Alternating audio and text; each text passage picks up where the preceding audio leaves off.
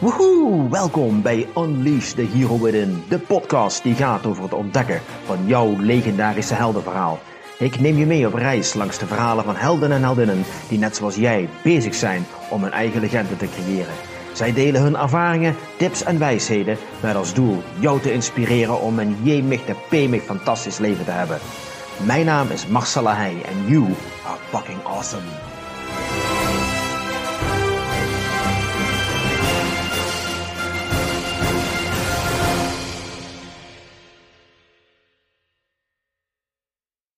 Hello and welcome to another episode of Unleash the Hero Within. And today is a very special episode because not only is it going to be my first podcast in English, but it's also going to be my first podcast here in Setúbal, Portugal.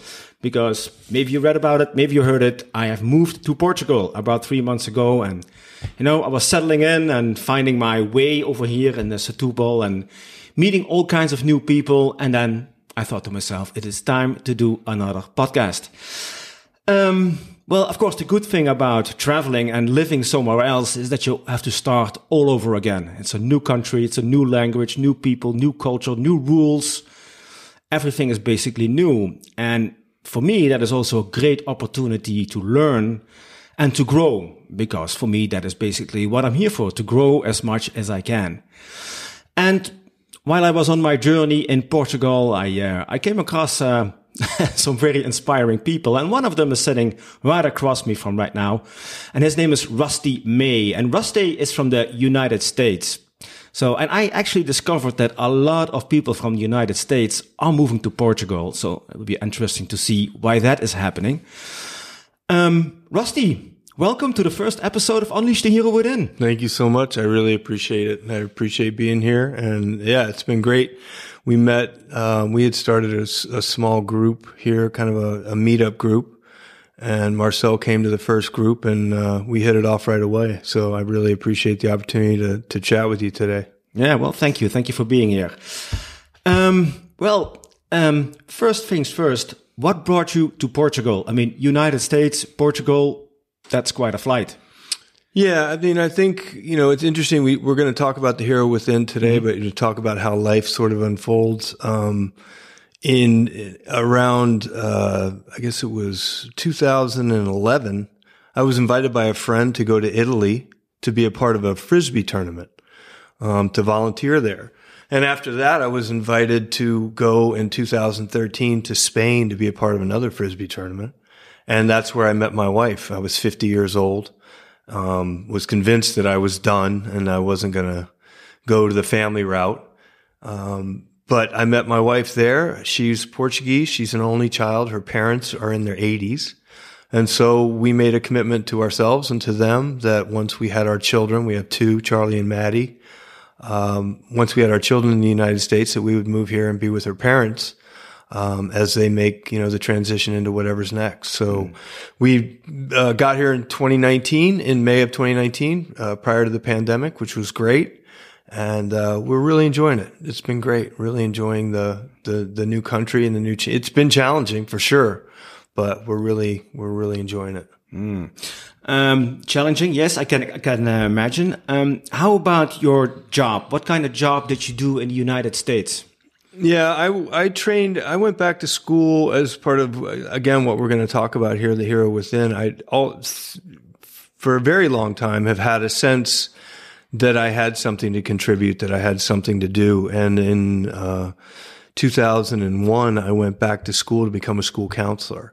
So that really was kind of where I was headed. I was going to go in the United States. A school counselor works in a school, works with students, kind of assists them in the process of getting their work done, getting along with each other and so forth. And in, in doing that, I ended up creating a, a video program, uh, dealing with social skills. And that video program has evolved over the last 20 years to be my primary job. So for the last uh, since 2007 um, it, it, pretty much has been my primary occupation has been doing my daily videos and visiting with students remotely going to schools doing assemblies doing that kind of stuff talking about social emotional literacy character education um, and those kinds of things. So that's been a really interesting part of the journey.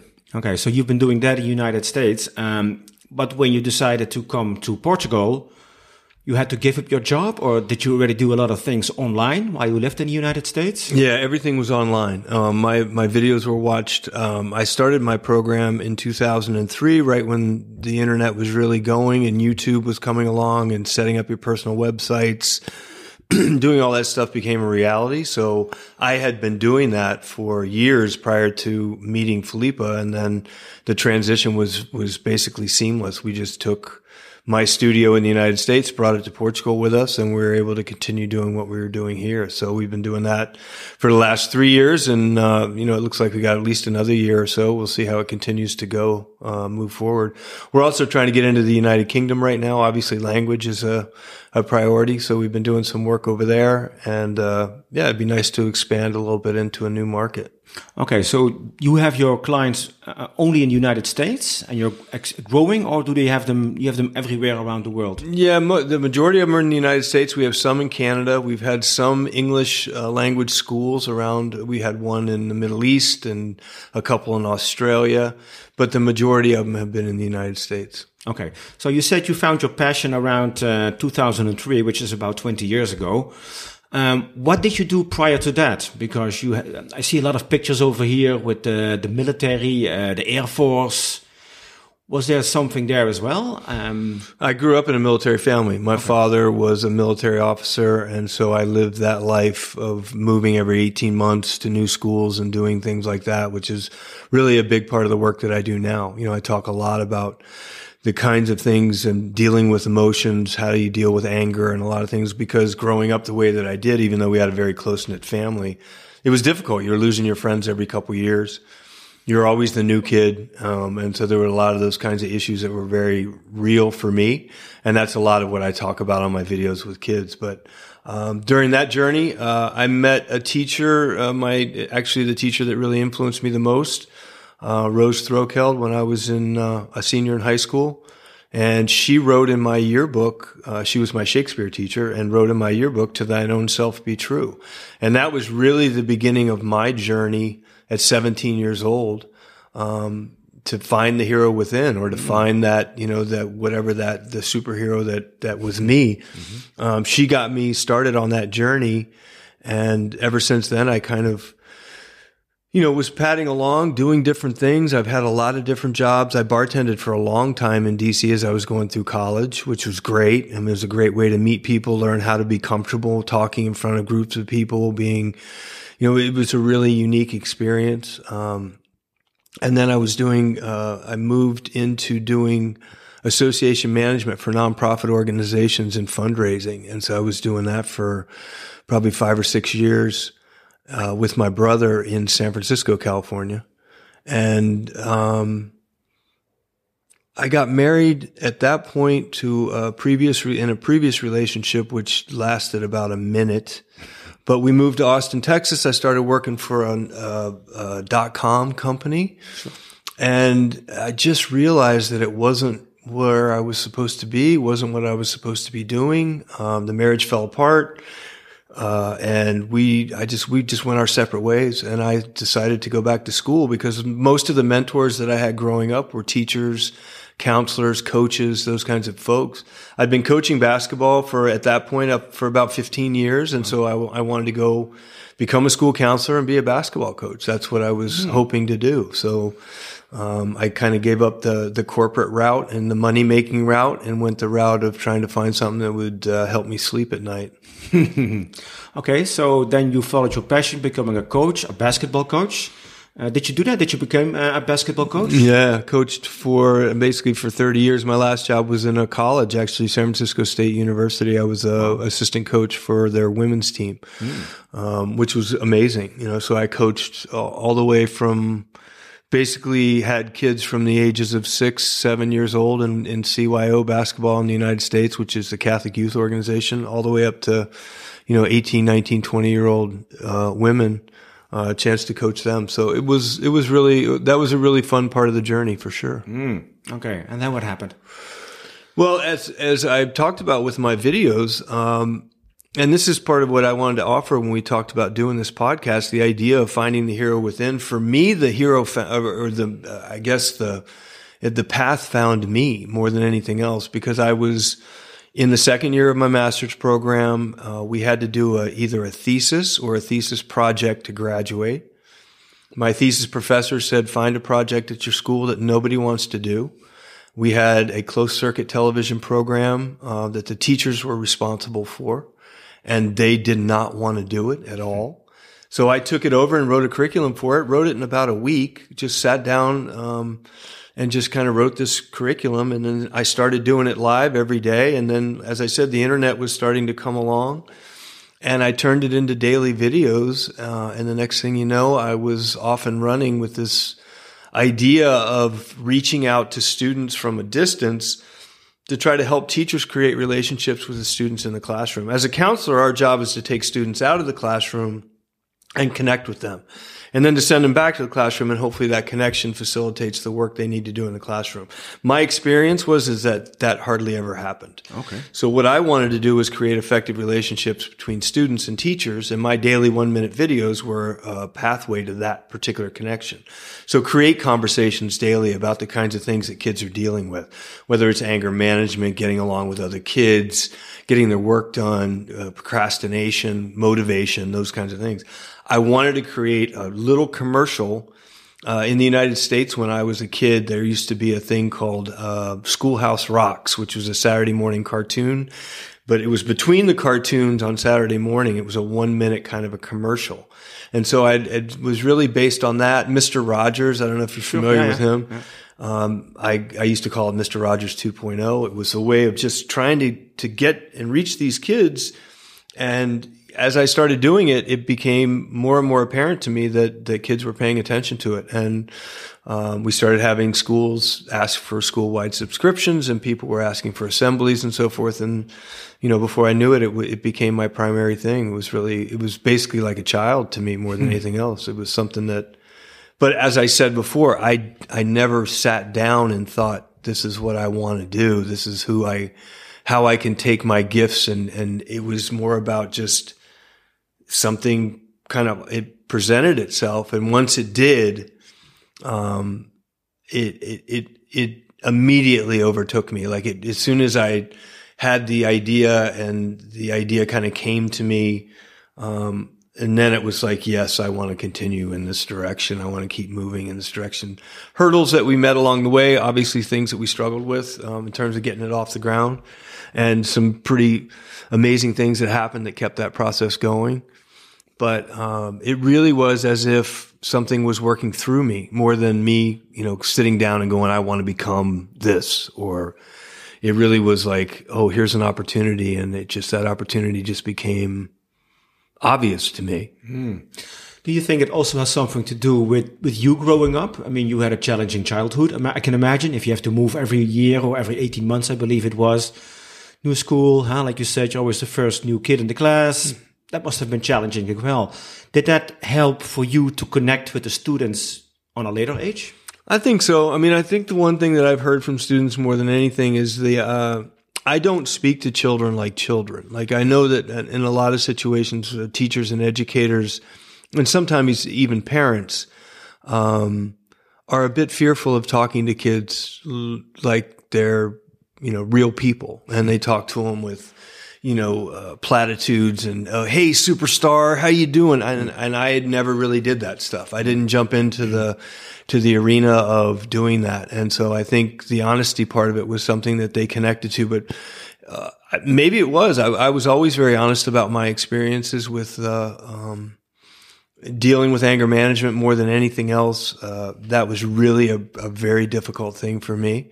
And so I, I, talk about it a lot if I do assemblies or in my shows and things like that. And I think it definitely connects with kids because a lot of kids are dealing with that, you know, frustration, anger. How do you deal with emotions and so forth? So yeah, my, my upbringing had a huge, had played a huge role in that. Mm. So did, did anger management also play a part in your personal life? Oh yeah, big yeah. time. I, I really didn't get a grasp of it. Another really unique thing that happened to me along the way was that I got asked to be a domestic violence trainer. So I was working with guys coming out of prison. Wow. So I spent my day in the classroom and I spent my evenings in a classroom, but working with guys coming out of prison who had to do a year of domestic violence training. Ironically, the kids I was working with during the day oftentimes were the kids of the adults that I had in my classroom at night. So you see this multi-generational dysfunction that's going on in these mm. families. And I was doing this. Uh, I did four classes a week for uh, almost five years, and so it was. You talk about a it was like a doctorate in anger management and, and understanding where it's coming from and learning about taking responsibility. I my mom passed away, I guess, 15 years ago, and uh, she was you know my everything to me, but at the same time, I also thank her for giving birth to me a second time when she passed away because she could always find a reason why it wasn't my fault. Hmm. She could always find a reason why my anger was, you know, well, they did this or they, but those kinds of excuses kept me angry because I thought, well, it wasn't my fault. Someone made me angry.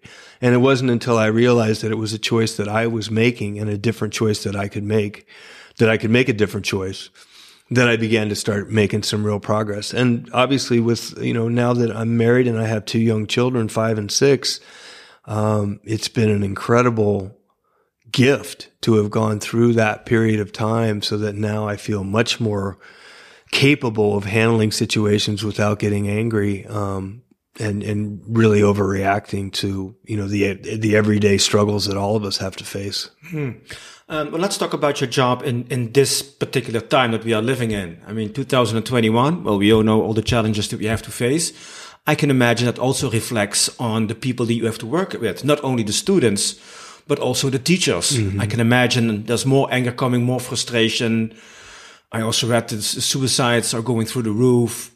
How do you experience, how do you experience your job now as compared to, let's say, in the beginning, like 20 years ago? I don't know that it's changed very much because I always have told people that I was an advocate for teachers first. I mean, I, I thought my job um, was to advocate for the teacher because I understood that with 30 kids in a classroom or 25, whatever it happened to be, that their ability to to uh, mirror the kinds of skills that we're talking about, whether it's anger management or how they deal with frustration or conflict resolution though that has such a plays such a bigger role in their ability to help the kids in their classroom and also teach the kids in their classroom. So I don't know that it's changed specifically. I do know that now teachers feel a lot more under fire than they have before. I think public education in the United States is on a precipice. I think it's dangerously close to falling into a very, very bad place because people with means will take their kids out of public education and put them somewhere else. Um, a lot of people aren't interested in the idea of teachers teaching things like character. Uh, they believe very fervently in their own discipline and their own ideas. And so therefore they're not interested in public institutions telling them how their children should be raised or what character issues are important and so forth. So teachers face different challenges. I think they felt very supported at the beginning of the pandemic. Um, because of the amazing work that they were doing, but I think now they feel more uh, challenged than they ever have before. Uh, we're losing teachers at an incredible clip. Uh, as you mentioned, the, the, depression, burnout, those kinds of things in adults. With the younger people, the suicide rates and the, and the mental health uh, issues are skyrocketing. So that's one of the things that I'm spending as much time as I can trying to work on. We're trying to look at a few other alternatives. We have a, a mental health minute that I do every week that we try to get out to teachers. Um, and also looking to do a, a similar kind of a mental health minute for uh, young people to talk to them about, you know, don't give up, don't don't let this don't let this define you, and and keep going. And that's one of the things that I've learned from my own experience and from working with children is is that the first time you really experience significant emotion, whether it's divorce or death or whatever it happens to be, you have no uh, frame of reference for understanding that it will pass. And that's something that we want to say, you know, this is going to pass. You're going to get through this. But as a young person, I don't remember, you remember the first time your heart was broken or you remember the mm, first sure. time something significant happened. You don't know when the end is going to come. And so the, the message to the kids are talking to them as much as I can directly to them through um, uh, videos like that for the older kids. Most of the kids I work with now are in the kindergarten through sixth, seventh, eighth grade. I really want to work with the high school kids because that's where we're seeing a lot of these issues. Is just to try to talk to the to, try and talk them through it and try to help them to understand that the that the world that they're living in they've lost hope and they've lost it because of the environmental issues, because of the war issues, because of the economy issues, because of the political issues in the United States. The, you know, the, the country that I come from is incredibly divided right now. Um, and the young people in that country are, uh, experiencing that in a, in a very difficult way. So, uh, trying to speak to them and get them understanding that we need them and that they, that, you know, that I'm rooting for them to keep them moving forward is a big part of what I want to do going forward. Cause if I was given a gift, I think the gift is my ability to connect from a distance and to use that gift to, uh, to hopefully do some, some positives in terms of just giving young people, teachers, educators, the, the perspective that we just keep, you know, need to keep moving forward. Mm-hmm. So you uh, you don't only focus on the students, you also focus on the teachers. Mm-hmm. Is your goal, so to speak, to get them closer together, to get yeah. them more connected. Exactly. They have more understanding for each other's place and role that they are playing. Exactly. Uh, I can imagine that's very challenging in this time. What do you see are one of the major problems that you are uh, witnessing now with students or with teachers? Well, I think previously it was the idea of a trusted adult because a lot of the kids that are coming to these teachers do not have trusted adults in their lives. You know, I talk to kids a lot of times. There's a big difference between an adult and a tall person. So there's a lot of tall people running around. There's not a lot of adults running around. And a lot of these kids have not experienced success with tall people. So they come into a classroom our expectation is is that they're immediately going to see the teacher and go, "Oh, okay, I'm supposed to respect them and they're here to help me." And so that's absolutely not the case. And especially kids who come from trauma. Their experience coming out of a traumatic background, which uh, the research right now is pointing to upwards of 50 to 60 percent of kids wow. have one, two, or three traumatic events in their in their upbringing. So these wow. kids are coming to the classroom. They don't know that you're a safe person. And so one of the things that I talk to teachers about all the time is, is that we have to create that environment where they can begin to see us as a safe person, whether it's through routine, um, you know, talking to them, getting to know them and so forth. And that's a big part of what we're doing. Um, so that was that was a that was a real challenge um, you know at the beginning. I think now the challenge more than anything is is the divisiveness the political divisiveness in the united states which was uh, you know really on display in the 2020 election when we had the the the riot at the capitol and the things that happened on that thing was is that the country of the united states of america is very, very divided uh, between right and left, and there doesn't there doesn't seem to be a viable middle central position. At least it's not um, one that that has any kind of uh, obvious pull right now. And so a lot of kids are coming to school right now um, listening to what their parents are saying, listening to the news channels that their parents choose to listen to.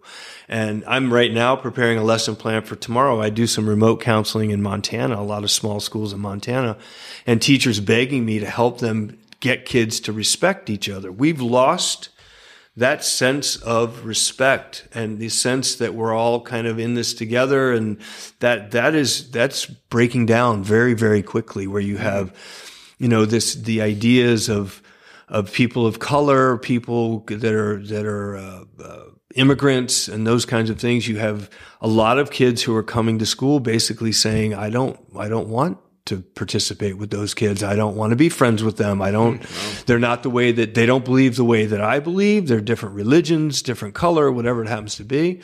And so kids are hearing this on a, you know, on a daily basis from the, from the parents. And not that they didn't in the past, but I think now with the, you know, the 24 hour news cycle and social media and all the stuff like that, it, it's constantly in their face. Um, and they're bringing that to school and it's very difficult for teachers to figure out ways to manage that and mm-hmm. to deal with it. Mm-hmm. But there's not a great deal of respect, even in small uh, schools that I work in, where kids have known each other since you know they were born in the same hospital kind of deal. And they just can't figure out ways to solve problems. They can't figure out ways to work together. They, they're really um, it, it's almost as, as if people have become really really uh, separate. And and they're kind of it, it's really showing up in the classroom. Okay. What is your opinion about the origin of that? You say there's more and more separation. People are not connected. More and more anger. Uh, people don't trust each other what do you think started all that? Or is there something that started that? I mean, something changed, obviously, but what is it that might contributed to that change? Uh, I don't think it's particularly a United States issue because we're seeing it in Europe and in other countries as well, where you have this nationalistic move. We saw it in the UK with Brexit. Um, so for example, I, I was born in 1963, so I guess I'd be a baby boomer, probably like the last year of the baby boomers, um, and the previous generation and so forth. And so you had this, you know, these generations of folks who had a middle, were middle class. They had middle class jobs. They had insurance. They had health insurance. They, they retired. They had a pension plan. They bought a house. They had, you know, and there was, that was a big part of what it was, you know, and, and obviously there were, there were situations and, and now we're, we're becoming more and more aware of, of situations where that wasn't the case. But there were a lot of people who were okay with that part of it. And that, that part of the economy, and it's not particularly anything other than technology and all that, but those kinds of jobs and those kinds of that lifestyle has kind of moved away mm-hmm. and it's no longer available to a lot of people. And so there was a great sense of loss. Mm-hmm. And then there were people looking to blame someone for that loss. And so people started looking outside. If it wasn't for this, this wouldn't have happened, you know, and starting to looking for reasons and excuses why things weren't as good as they used to be, the way that they look back on it and said it was good. And obviously, for a large swath of the population, things weren't good. You know, there were people, but no one, apparently no one was paying attention to that. So you're seeing, uh, obviously, a tremendous amount of information that we didn't have before. Um, you're seeing, people standing up and saying no to situations, whether it's the Me Too movement or the Black Lives Matter or whatever those movements mm-hmm. are, mm-hmm. trying to put emphasis on certain groups of people who have been disenfranchised. Um, and so you're you're seeing an incredible uh, availability of information. Obviously, you're seeing, I mean, you know, 10 years ago, you may never have seen a, a, police officer shoot another person or kneel on someone's back or the kinds of things that you see now, whether it's professional athletes and they have videos of them abusing their wives or doing mm. things. I mean, it's all available, right? Mm-hmm. So everybody can see it. And, and so it's out there in all aspects of that. It's also become, and I think, you know, Trump was symptomatic of this in our country, but I think as a 58 year old man, I've experienced politics probably for 40 years. I think I was pretty early into it. Never really kind of believed the facade that mm. that the politician would put out there, which was, you know, they they were very polite with each other. They would speak very kindly to one another when they were. I'm using a southern accent. I don't know why, but that's what it seemed like to me. but they were very polite. But it, it always reminds me when I grew up in the South, in different parts of the South, growing up you could say the meanest possible thing about another person as long as you finished it with, well, bless their heart. Mm. You know, and it's that kind of thing. But politics was always that way. It was dirty. It was awful, but it was always underneath. It was mm. behind the scenes. A little bit of that fell apart with Nixon for us in Watergate. Trump came along and just ripped the, the shroud wide open, right? So civility was this kind of thin layer that was over everything. It kept us saying, you know, mm-hmm. holding doors for each other and doing. Trump completely took that away and said, "I'm just going to speak whatever my truth is."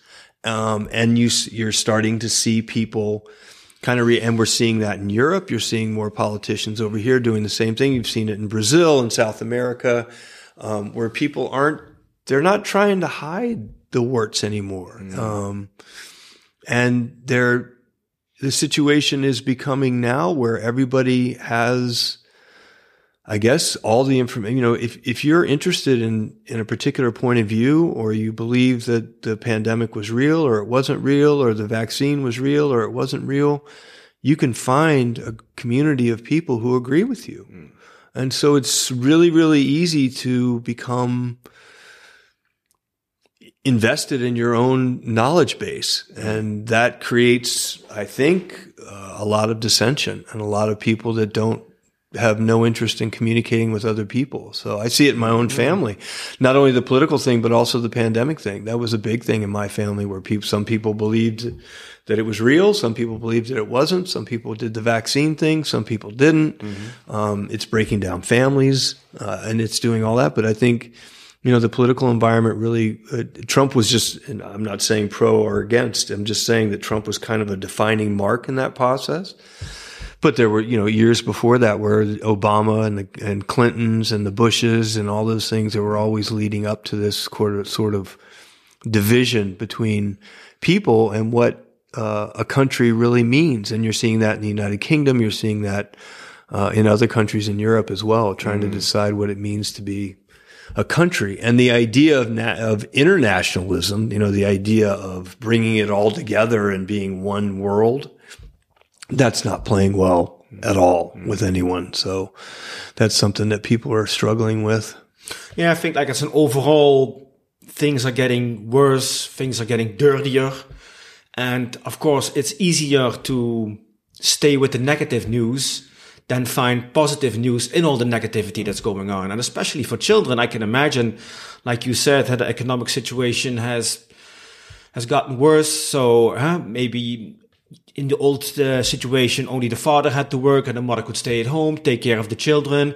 Things are getting worse. Mom has to get a job as well. She's not around anymore. People are, our children are more open to, you know, go off the, off the beaten path and takes us where it's been going now. Yeah. So it's also, there's a lot of darkness, dirtiness, especially now with the war going on, with the crisis, inflation. I mean, it's, it's, you know, it's backing up. It's, nothing but bad news. So, but then there's also now the only thing that can drive out darkness is light. Right. So we have a choice. We can either follow the path of darkness and, you know, go with the flock, go with the herd of the most people that go with the negative news, or we separate ourselves from the herd and we try to create our own path of light. Mm-hmm. And that's not that's not always easy. I mean, um, you've told me a story. I mean, you started doing your videos before YouTube even existed. So you've seen a thing or two. I mean, most YouTubers aren't even that age yet. Mm-hmm. I mean, mm-hmm. they can't even imagine a time where YouTube wasn't wasn't there.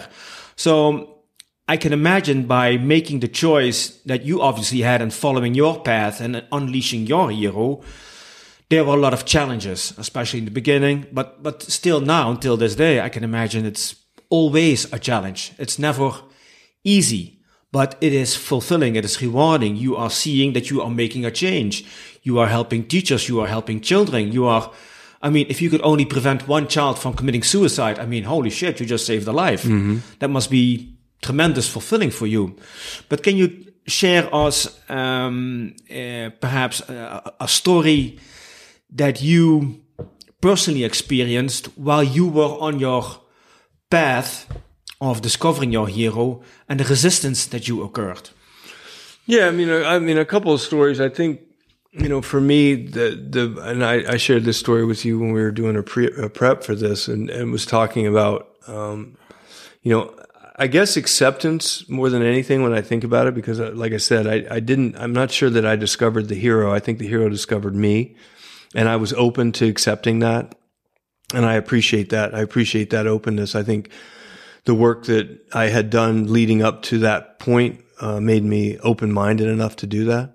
But when I first started the show, I was doing it for several years and I hadn't really, I didn't have a feeling because I, I was trying to spread the videos to the schools that I was working with in Northern California. And I was, you know, having some success. Some teachers were watching it, but it wasn't, it really didn't seem like it was, it was going anywhere. And I was struggling a lot with, uh, trying to get the website up and going, the tech, the technical difficulties at that time, because, you know, it, it's hard to imagine now, but most teachers in most classrooms, uh, if they had internet connection, they certainly didn't have, um, you know, a lot of expertise on how to do this. I was working with several different designers of, of the websites who were all just new. They didn't know what they were doing. We were trying to do something that had never been done. Basically, what we were trying to do was host videos on a website, which is what YouTube eventually did. But hosting video on a website was a very difficult thing to do. Um, and so it was struggling in a lot of different ways. And I was running into the situation where I was just thinking, you know, this isn't, it's not the direction I need to be going. It's sort of like the gold. It's sort of like the person who's mining for gold who stops one shovel load mm-hmm. before they actually hit the mother lode. Um, and I was in that situation. I was about to throw it in. I was about to throw in the towel and um, give it up because I just couldn't see where it was going to go. This was at the end of a school year, and I I, I want to say it was 2006, 2007, and uh, I was invited to uh, school in Northern California uh, to do uh, a little assembly and to be a part of an end of the year kind of event that they were having. And so I went up there. This school had been watching my videos. One of their teachers was somebody, um, uh, Lynette Cliff. I still remember her name. She was one of my first p- people that really liked the videos and figured out how to make them work and so forth. So she invited me up there and I went, and I can remember driving up there. It was a two hour drive, just thinking to myself, you know, gosh, you know, once this is over, I think I'm done. You know, I'd just be, it's not going anywhere. Although I think I was getting a check for this, you know, I was maybe getting a $500 check or something. And, um, when I got there, there was all kinds of commotion going on. The the media, they had the local news channel there from Redding, California. They had the one of the TV stations was there, so there were cameras set up, and there were a reporter there and I went about my business and did my little assembly and was talking and they were filming a lot of it and so forth. And afterwards, um, I was getting ready to clean up my stuff and, and the, kids didn't start leaving, which they normally do. And I, I noticed an adult get up from the bleachers and start walking in my direction. And it was a, a woman. She was walking towards me and the principal met her about halfway and they walked over to me and introduced me to um, this is mrs botel um, she's tommy's mom and she's got a story that she wants to tell you. And she was holding a framed picture and she showed it to me. As a picture of her son tommy botel he's in it looks like a tree or in the bushes or whatever. And the end of my show i used to say peace out little diamonds. The rest is still unwritten. That was the way i finished my show every day and so she wanted to tell me the story of Tommy and how he came home every day after school and would tell her about Rusty's videos and would tell, she would, he would tell her exactly what had happened and what he talked about that day. And he would always say, peace out, little diamonds. And that was something that he would do. And she wanted to really let me know how much it meant to her and how much it meant to Tommy that, that I did my videos, you know, and I was just, I was amazed. And I said, well, is Tommy here? Can I meet him? And she said, no, he's passed away. Tommy's gone. He's dead. Um, and I was just, you know, um, I was overwhelmed at the moment. And she told me that what had happened, they had been hiking on Mount Shasta in Northern California. Him and his sister sat on a rock ledge to have their picture taken. Their parents were there taking their picture. And in the middle of taking that picture, the rock ledge collapsed and Tommy went all the way down. The sister actually didn't um, she was okay and Tommy passed away. And so she wanted to come share that story with me. And in doing so, um, you know, reignited the fire for me. You know, it was that kind of a moment. But again, I, I look back on that and I say to myself, how in the world that that had nothing to do with me. You know that wasn't you know and, and i would say to everyone out there that's looking to unleash the hero within look around you. Pay attention to what you're doing. Pay attention to where your life is taking you and say yes to that because the idea of changing everything to to start on a new path and to do something else I, i'm not i'm not convinced from my own experience that it really another experience we had when we got to portugal um, my studio, the second last year, uh, in about February of last year, my studio just stopped working. All of this, the the microphones to the camera, and we we went through the process of changing. Fortunately, I was three or four weeks ahead in my video shooting, and was able to. Uh, to, to have some, some footage that I could do, but we were trying to change all the parts and do everything and none of it was working. The studio had just died. And I'm sitting there thinking, oh, you know, how's this going to happen? Well, my wife at the time, Philippa, was doing social media work for a DJ company in Lisbon the DJ company had an American working for them who had a lot of television experience, had actually had several Emmys working in television. And she set up a meeting for me to talk to him um, to see if there was anything that we could do to help. And he actually turned out that, you know, Robert came along. He heard what I had to say and he took OBS, which is a uh, it's an actual an, a free online system that was created by YouTube and Facebook and so forth to help people create video. He created an entire video program in OBS. Uh, we bought a new computer, and we were able to do all the filming uh, and the and the audio part online, and got the whole thing up and running in about four days. And it the the video quality was video and audio quality was uh, a thousand percent better than it had been before. Wow. And so again, just a situation like that where I'm at the end of the rope. I don't know how this is going to continue. And my wife makes a comment and says, Hey, maybe you should have a meeting with this guy. And I'm thinking, well, you know, what's he know about what I do? but instead of that, I said yes. And I think that may be one of the, one of the secrets to finding your hero is saying yes to your own life. Mm. Not looking at other people's lives and saying yes to theirs, really saying yes to your own life and seeing where that takes you. Um, you mentioned that to me that what's your, what's your quote from, uh, was it Picasso? Your quote that you like to use? Oh yeah the meaning of life is to find your gift and the purpose of life is to give it away right but you have the only way that you can do that is by the uh, the other people that are giving their gifts away as well and you run into those people every single day mm. you know it's like you and me connecting with each mm. other in Lisbon mm. you know i feel like that's a that's a definitely a gift and we're moving in the direction of starting our own group and doing other things like that but saying yes to your own path i think is really difficult for a lot of us to do Yes, um, but also because finding your path. I mean, saying yes to something means that you already have found something to say yes to. Mm-hmm. But first, you have to find that one thing that that leads to your path. You have any suggestions on how you may go about doing that?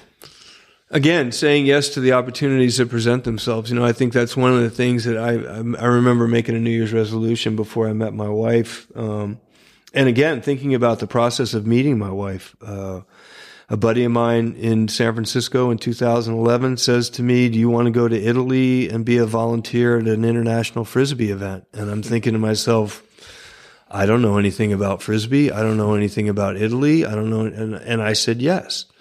And I can remember getting off the plane in Frankfurt, Germany, my first layover, having no idea what to do or how to take, and then getting to the frisbee event and walking out of the airport and like what am i supposed there's no signs there's no people there's no and i see a bunch of guys throwing discs in the parking lot and i say hi to them they turn out to be the canadian national team.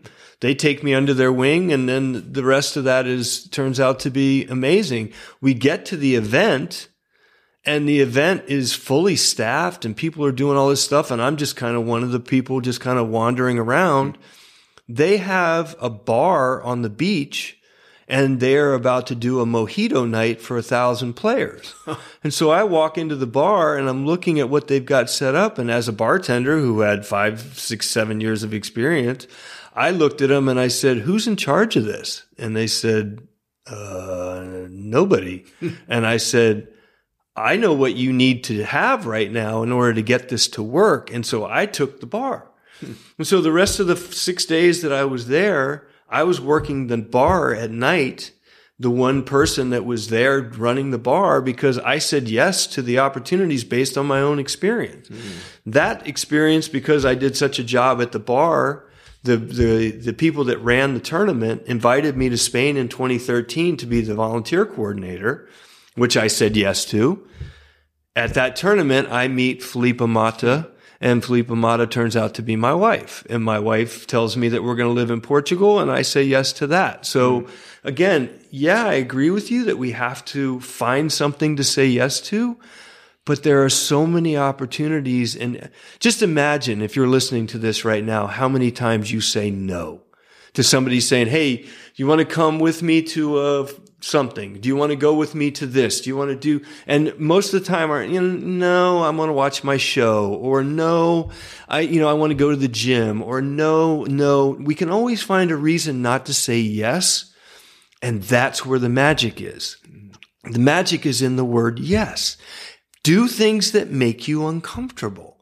Say yes to things that you are not comfortable with and then just let them take you wherever they're going to take you. That's the beauty of it. To me, the life, the magic is, is that we're all in a river. We're all, the life is a river and we're all in it. But most of us are spending our time swimming against the current and we refuse to just turn around and say yes. And that to me is, that's where you'll find it is in saying yes, even if it's a mistake. The biggest mistakes are sometimes the best things that could possibly happen to you.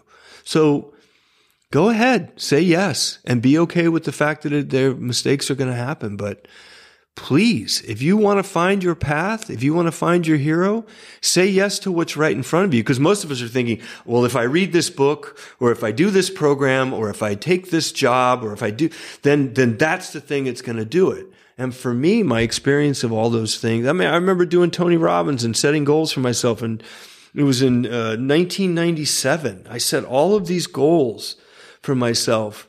And I, I achieved every single one of the goals that I set for myself, including finding a partner and getting married. None of those goals turned out to make me happy by any stretch of the imagination because I had no idea who I was. And none of those goals were along the lines of things that I was interested in. And so therefore I picked a, you know, I picked a trophy bride who was, who I met, who was, you know, met all the, ticked all the boxes in terms of what you should be looking for. But there wasn't a connection that was going to last a lifetime there. Huge mistake. You talk about making a mistake. I said yes to him. I mean, that I can remember being on a golf course under a tree in the pouring rain, just tears coming down my face and in Austin, Texas going, what in the world did I do? How did I get into this situation. Biggest mistake I'd ever made in my life.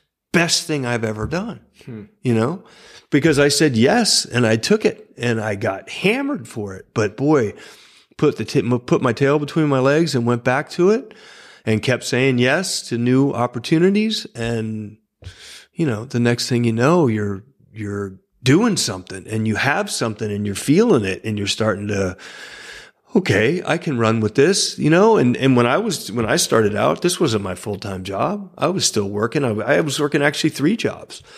I was working three jobs, had started my own business bartending for weddings and parties and stuff like that. Cause I took my bartending experience and started using that. So it was like, but yeah, say yes, say yes to what's right. Don't, don't expect to find it by somebody else's management. Just say yes to what you have right in front of you mm. and then let it take you where it's going to take you.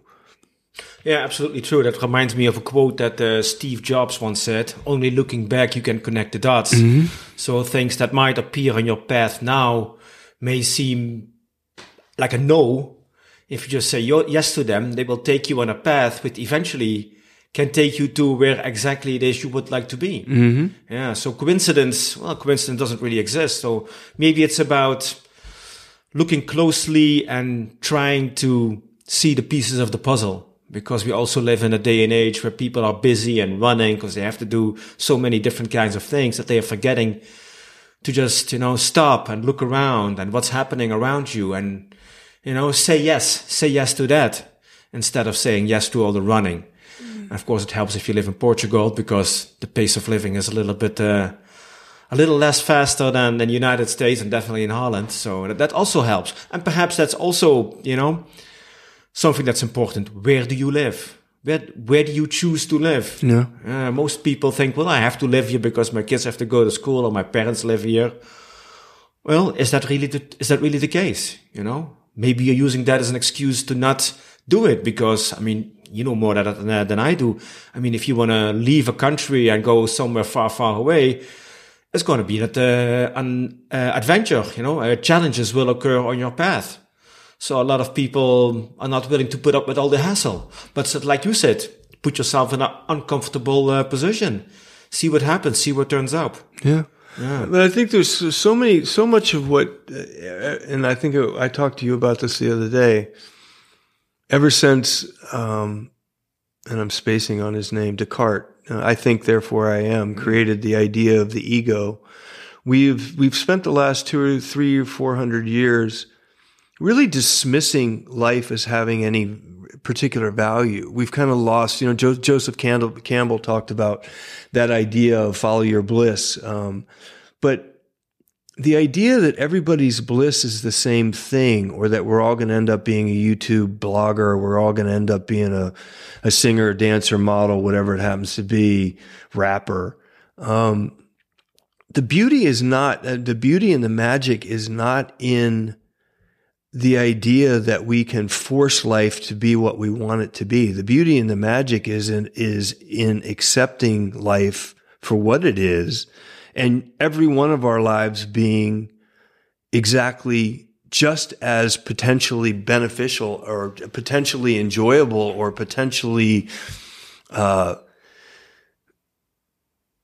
I don't know, but I mean, the idea that life, that, that our lives are a mistake, I think is where I, I, get that sense. Like people are thinking, well, there's, you know, there's something wrong with me, or there's something wrong with my life, or there's something wrong with, you know, I, I need to make a change. I need to, you know, it, it's funny because I spent years, uh, uh I'm a, I, from a, no excuse, but an Irish background, being a bartender and so forth. Drinking was something that I enjoyed as much as anybody and have, you know, enjoyed that for most of my adult life and, um, have really, really thought about it from the perspective of, you know, this is something I shouldn't do or, or whatever, and I should stop doing this. And, um, you know, my life would be so much better without it and all these kinds of things. And recently I had an experience that again was, was more luck than skill by, by any, my father used to say that I'll take luck over skill any day. And my experience of finding the hero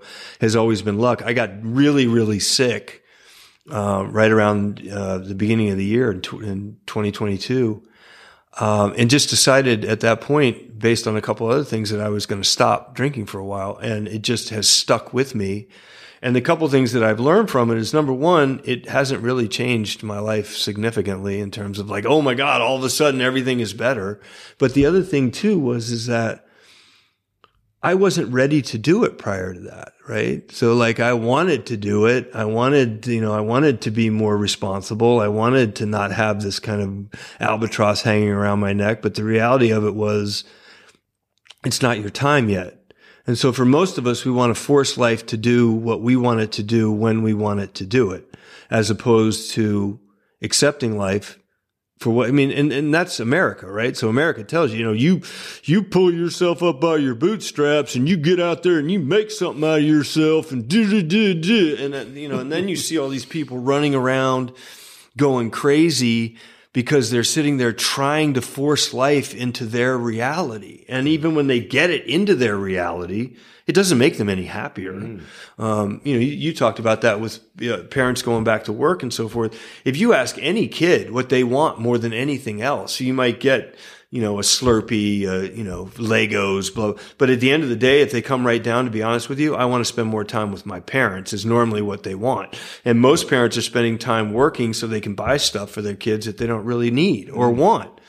And so we're trying to force life into our understanding of what a good life is instead of living the life that we have and experiencing it for what it is and seeing the good in that, mm. you know, and making that, uh, the goal, you know, instead of trying to think that, you know, if I just do this or if I just do that or I, if I just have the right job or if I'm just the right weight, or if I write the book, or if I sing the song, or if I have the right partner, whatever, that that's going to make me whole. Mm.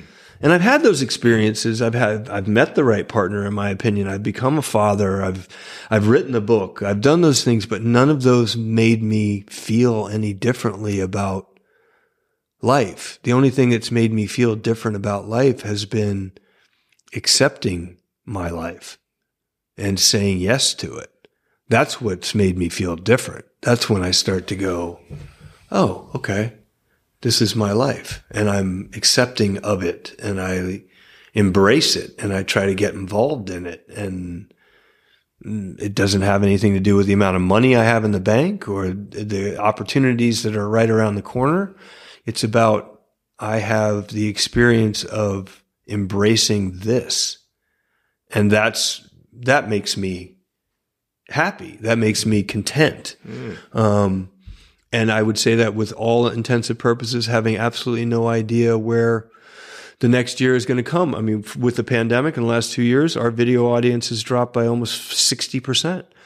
Um, will it continue this year? I don't know. We, it looks like we are in that process, but I would have to honestly say that, you know, Philippe and I have conversations on a regular basis about, you know, what if this doesn't pan out? This is our primary source of income and so mm-hmm. forth. I don't have an answer for that question. But what I do have right now is the luxury of belief that that is going to happen, that, the, that I'm going to have the opportunity or that something will come up and I will be able to continue on in that direction. So I'm not beating myself up thinking about how do I get, how do I fix this? I'm participating in this for what it is right now and then saying yes to what the next opportunities are. Yeah, just letting it unfold and see what adventure lies ahead. Right. Yeah, because so far that worked, worked out pretty well for you. That's the only way it's worked out for me. Mm-hmm. So let me ask you a, a, completely different question. If I would um, call five of your best friends and I would ask them, what is Rusty's superpower?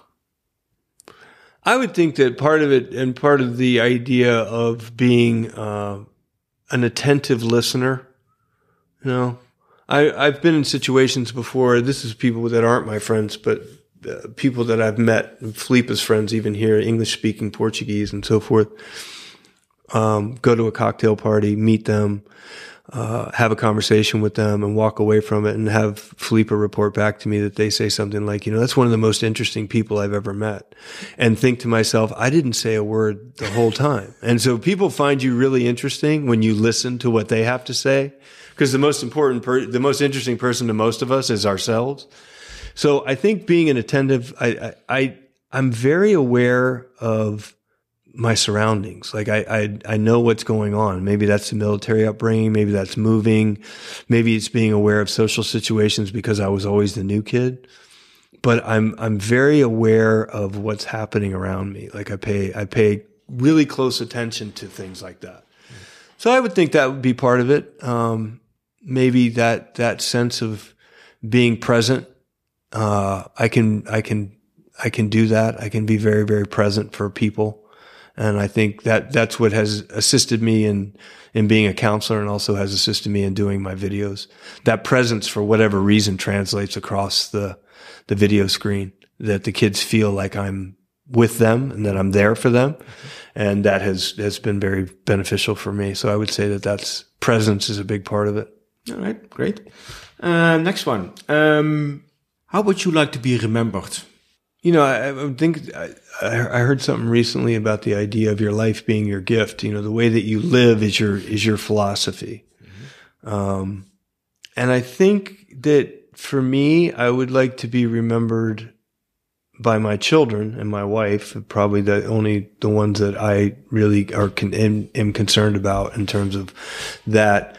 But as someone who was a seeker, I think I would like to be known as a. I, I would like to be remembered as someone who who was who was a seeker, who did um, spend time. I, I've I've made the argument before that we in the United States, especially, it just happened today. There was a release of a, a Supreme Court document that basically points to the idea that they're about to overturn abortion. And I say in the United States, we spend all of our energy making sure that people are allowed to be born, but after they're born, we don't take care of them. And I always think most of the time people spend a lot of time thinking about life after death, but they don't think very much about life after birth. Um, and I would think I would like to be remembered as somebody who made an effort to live the life that they were given. You know, that was somebody who made an effort to get to know themselves, uh, made an effort to um, live the life that they were given. Okay, when you uh, follow your path, obstacles are part of the journey. It's also about um, fear will enter your path as well. What is the biggest fear that you ever conquered on your journey? the drinking thing was a big fear. I was scared to death of, of the idea that it was somehow. And obviously, you know, I mean, it, it's it's been what four months or something like that, so it's not. But it was it was really kind of interesting to me because I really thought that it was going to be a much bigger deal. You know, I thought it was going to be very difficult, and there, you know, some ideas of that was really the dragon for me. You know, it was that idea that I wouldn't be able that this this was the thing that was going to take me down. It was going to be the thing that eventually, you know, just kind of. Uh, it was always in the back of my mind. It was a fear that I had that it was somehow it had power over me. So that was interesting. That was a dragon that I faced more than anything. Um, but my my biggest fear uh, from from the egoic standpoint, I mean, you know, the ego is so such an interesting creature. You know, it's so different. But my ego has always been afraid of of being a fraud, like that I was going to be found out, like somehow people were going to discover that I was not who I said I was. Like honesty was always really, I always thought of honesty was important to me and I, I, I, I had this, I had this unbelievable fear that I was, I was a fraud and that I was going to be discovered as a fraud and that people were going to realize that I was not what I said I was, which is funny to even say that out loud because I'm not exactly sure who, who it was. I mean, what, what I was going to be a fraud at that they were mm. going to discover. I think the drinking was part of that. Part of that was the, that was part of it too was that they would they would know that you know I was a I, I was a heavy heavy drinker right? So I mean I'd go do my thing with kids and stuff and I'd go home at the end of the day and and I you know I was a heavy drinker. And so I would think you know well the kids are going to realize that I'm a heavy drinker or the teachers will see it. They'll realize you know they'll see it in my face or whatever happens to be. And so maybe that was part of it too. But yeah I guess I was I was afraid of being a fraud. Like my whole life was but that's the ego, right? That's the ego is a house of cards anyway. It is a fraud. The ego is in fact the, the most fraudulent thing that we create. And it, it's a social construct that we create to, to be able to identify ourselves in a group of uh, 8 billion people. Mm-hmm. Um, but yeah, being discovered as a fraud, hmm. just being phony. Hmm. We're almost at the end of our um, of our interview. Okay. I have one last question. Now, one day your life will end. Now imagine that after you die, you will go to heaven and everything that you've experienced here with your time on earth will be erased from your memory. But there's only one memory that you can bring with you to the other side. What would that memory be? It's it's the it's my wife and kids right now. You know, it's us. It's the four of us on a beach, or the four of us. Uh, it doesn't. You know, the I was telling you about the hiking during the pandemic um, you know, the four of us as a team, because we had to go through so much at the beginning, uh, because we got married relatively quickly within a year. We had Charlie was born the following year. Maddie was born the following year after that. Then we ended up moving to Delaware to be closer to Portugal so we'd be closer to our family. Then we moved our entire family to Portugal. And since we've been in Portugal, we've already moved once. And so this little group of four people have, have been together, but the moments that it, it would be uh, any of a thousand moments of the four of us together, you know, just us sitting together or being on the couch. We were watching uh, Man United play Brentford last night or something. My kids like to watch soccer at night with me, and they'll sit on my lap, and, and Filipa will sit with me, and it would be, it would be that. You know, I, I had a when I was uh, 30 years old, I went to San Francisco to visit my brother, and he bought me a picture of a dad. It looks like a dad holding a son in his arm, and I'd I'd never I I just thought that it would never happen to me, that I would never become a father, and uh, to to actually have found a partner that I really really love and am connected to, and to have kids with that partner. Um, yeah, that would be that would be the memory. The four of us. Hmm, okay, very beautiful. So, is, is there anything else that you would like to share? Any final words, any final thoughts, final thoughts that you would like to uh, share with us? Yeah, I, th- I, think in the midst of all the, like you had mentioned before, all the stuff that's going on, I firmly, you know, as as an awakened ape, which I believe that all of us are, um, I do, you know, I heard something the other day. Why worry? Because worry is assuming that you have the information you need to make the appropriate decision, and none of us do. What's happening right now is happening for a reason, and I firmly believe that we are on the path to to the evolution of human consciousness. I do believe that it's going to happen. And maybe it's going to take some amazingly stupid thing for us to do, for us to wake up and go, Oh, that was the wrong thing to do. But I do believe that we're heading in a positive direction, that this is, we are moving forward. We're being attracted. You know, Terence McKenna used to talk about the great attractor and it's, we're being pulled in the direction of where we need to go. And so I would say worry less, enjoy more and say yes to what's right in front of you. And if you can do those things, then if nothing else, you're going to enjoy the journey a whole heck of a lot more. Mm, those are very nice words. Thank you very much. Thank you for your time. It was an honor as having you as my my first guest here in Portugal. So thank you so much for sharing your beautiful story and all your wisdom. Uh, listener, thank you so much for uh, sticking it with us until the end. I hope you enjoyed my first podcast in English. Uh, thank you very much for listening and um, peace out, little diamond.